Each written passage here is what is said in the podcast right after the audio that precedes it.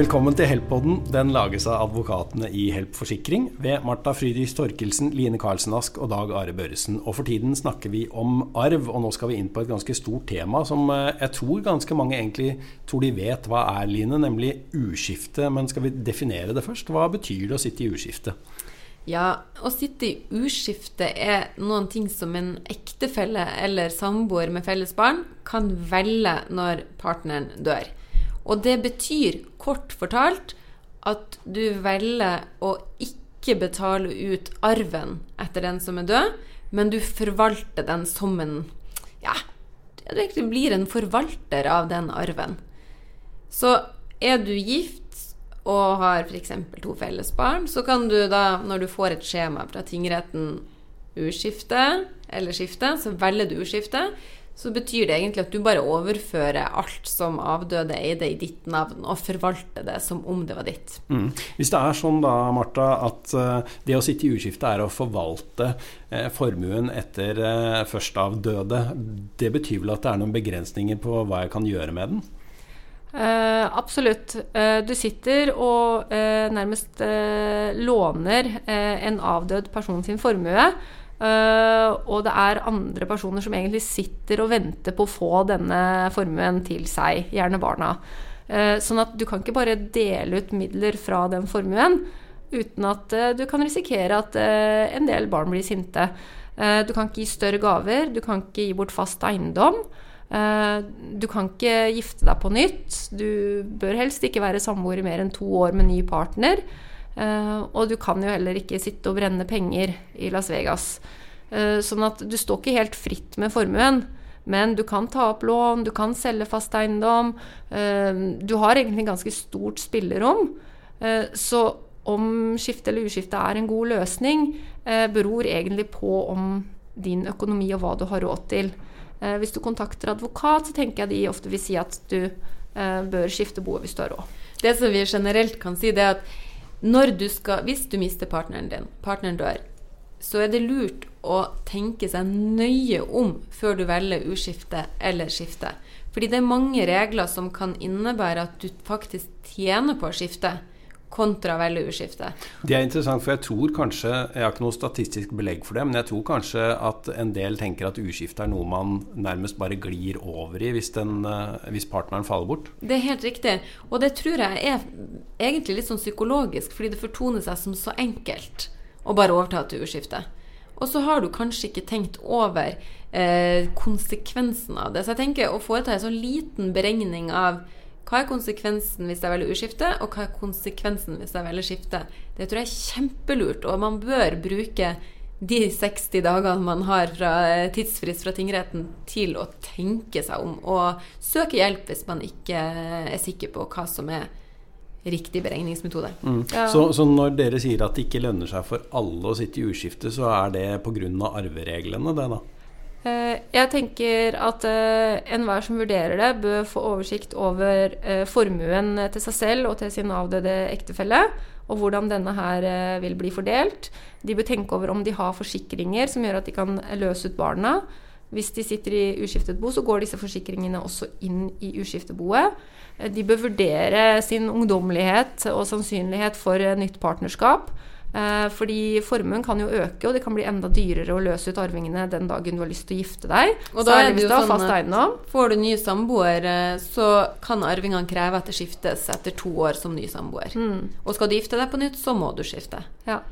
Så det er flere ting man bør tenke igjennom. Kanskje man til og med er enearving, hvis noen ser på tallene.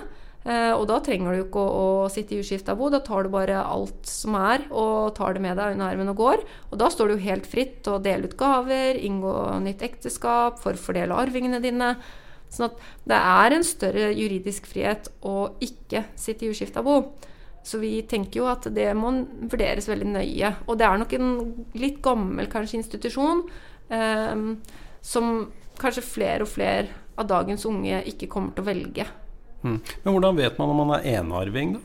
Vi har noe som heter minstearv til ektefelle og samboer, og den er 4G. Det er ja, 387 000, nesten 400 000, ja. kan vi si.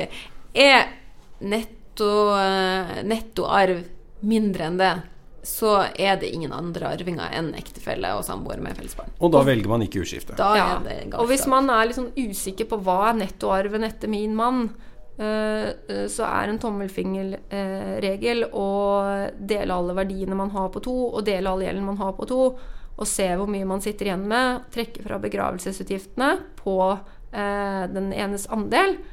Og er den summen netto rundt 400 000, så tror jeg nok at uskifta bo er veldig lite lurt. Og så er det en annen ting. Det er ikke bare penger, men det er også alder. Jo yngre du er, så er det ofte sånn at du har høyere gjeldsbelastning, og sannsynligheten for at man en eller annen gang kanskje kan få ny partner, er større jo yngre du er. Så generelt sett, unge mennesker bør kanskje ikke velge uskifte, mens eldre mennesker ofte har eh, ja, større fordeler med å velge det. Mm. Og så må man også tenke gjennom eh, Har jeg hatt en hytte som jeg ikke vil at skal inn? Har jeg hatt eh, en båt, et naust, hvem vet? Eh, alt som du tror at du egentlig kunne holdt utenfor eh, ved f.eks. en skilsmisse. Det vi kaller for Eh, skjevdeling. Ja, det vil jo da gå inn i uskifteboet og likedeles eh, på de to arvegrenene far og mor eh, senere. Sånn at hvis du ønsker å bruke disse verdiene til noe annet, så bør man også vurdere om uskiftebo er lurt. Mm. Dette er også kompliserte temaer, og eh, vi kan råde egentlig alle som eh, er i tvil om å kontakte advokat. Men det er én ting til vi må snakke litt om. Eh, det er stadig vanligere med mine, dine, våre barn. Eh, og det er slett ikke alle som kan sitte i uskifte, er det vel? Nei, det er helt riktig. Du har rett til å sitte i uskifte med felles barn. Ikke med det vi kaller for særkullsbarn, dvs. Si barn som ikke har samme mor og far. Så du kan kun sitte i uskifte med felles barn. Men du kan få samtykke fra særkullsbarn. Altså, eh, jeg kunne spurt mine særkullsbarn om de ville samtykka til at min mann satt i uskifta bo den dagen jeg gikk bort. Og så hvis de sa ja til det, så hadde det ikke vært noe problem. Eh, men problemet er ofte at det forholdene mellom mine barn og min nye mann ikke er så nære. Og man mister jo helt innsynsrett. Man mister oversikt hvis man samtykker til uskifta bo eh, for sin stefar, hvis jeg kan si det sånn.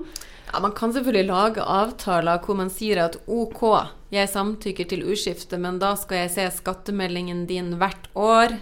Det skal tinglyses en eh, det vi kaller for en urådighetsklausul på huset, sånn at du ikke tar opp lån osv.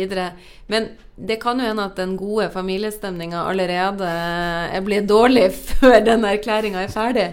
Så generelt sett så er det faktisk ofte konfliktdempende å betale ut særkullsbarn. Ja, for meg så høres det ut som dere eh, fraråder eh, løsninger hvor eh, særkullsbarn samtykker til at en blir sittende i uskifte, gjennomfør heller skiftet. Er det en konklusjon? Hvis du har økonomi til å betale ut, så vil jeg si at det ofte vil være det som er 100 sikkert at ikke skaper konflikt. Og vi tenker jo ofte litt sånn minst mulig krangel, gi plass for sorgen når noen dør. Da hører vi på advokaten. Takk for at du hørte på Arvepodden.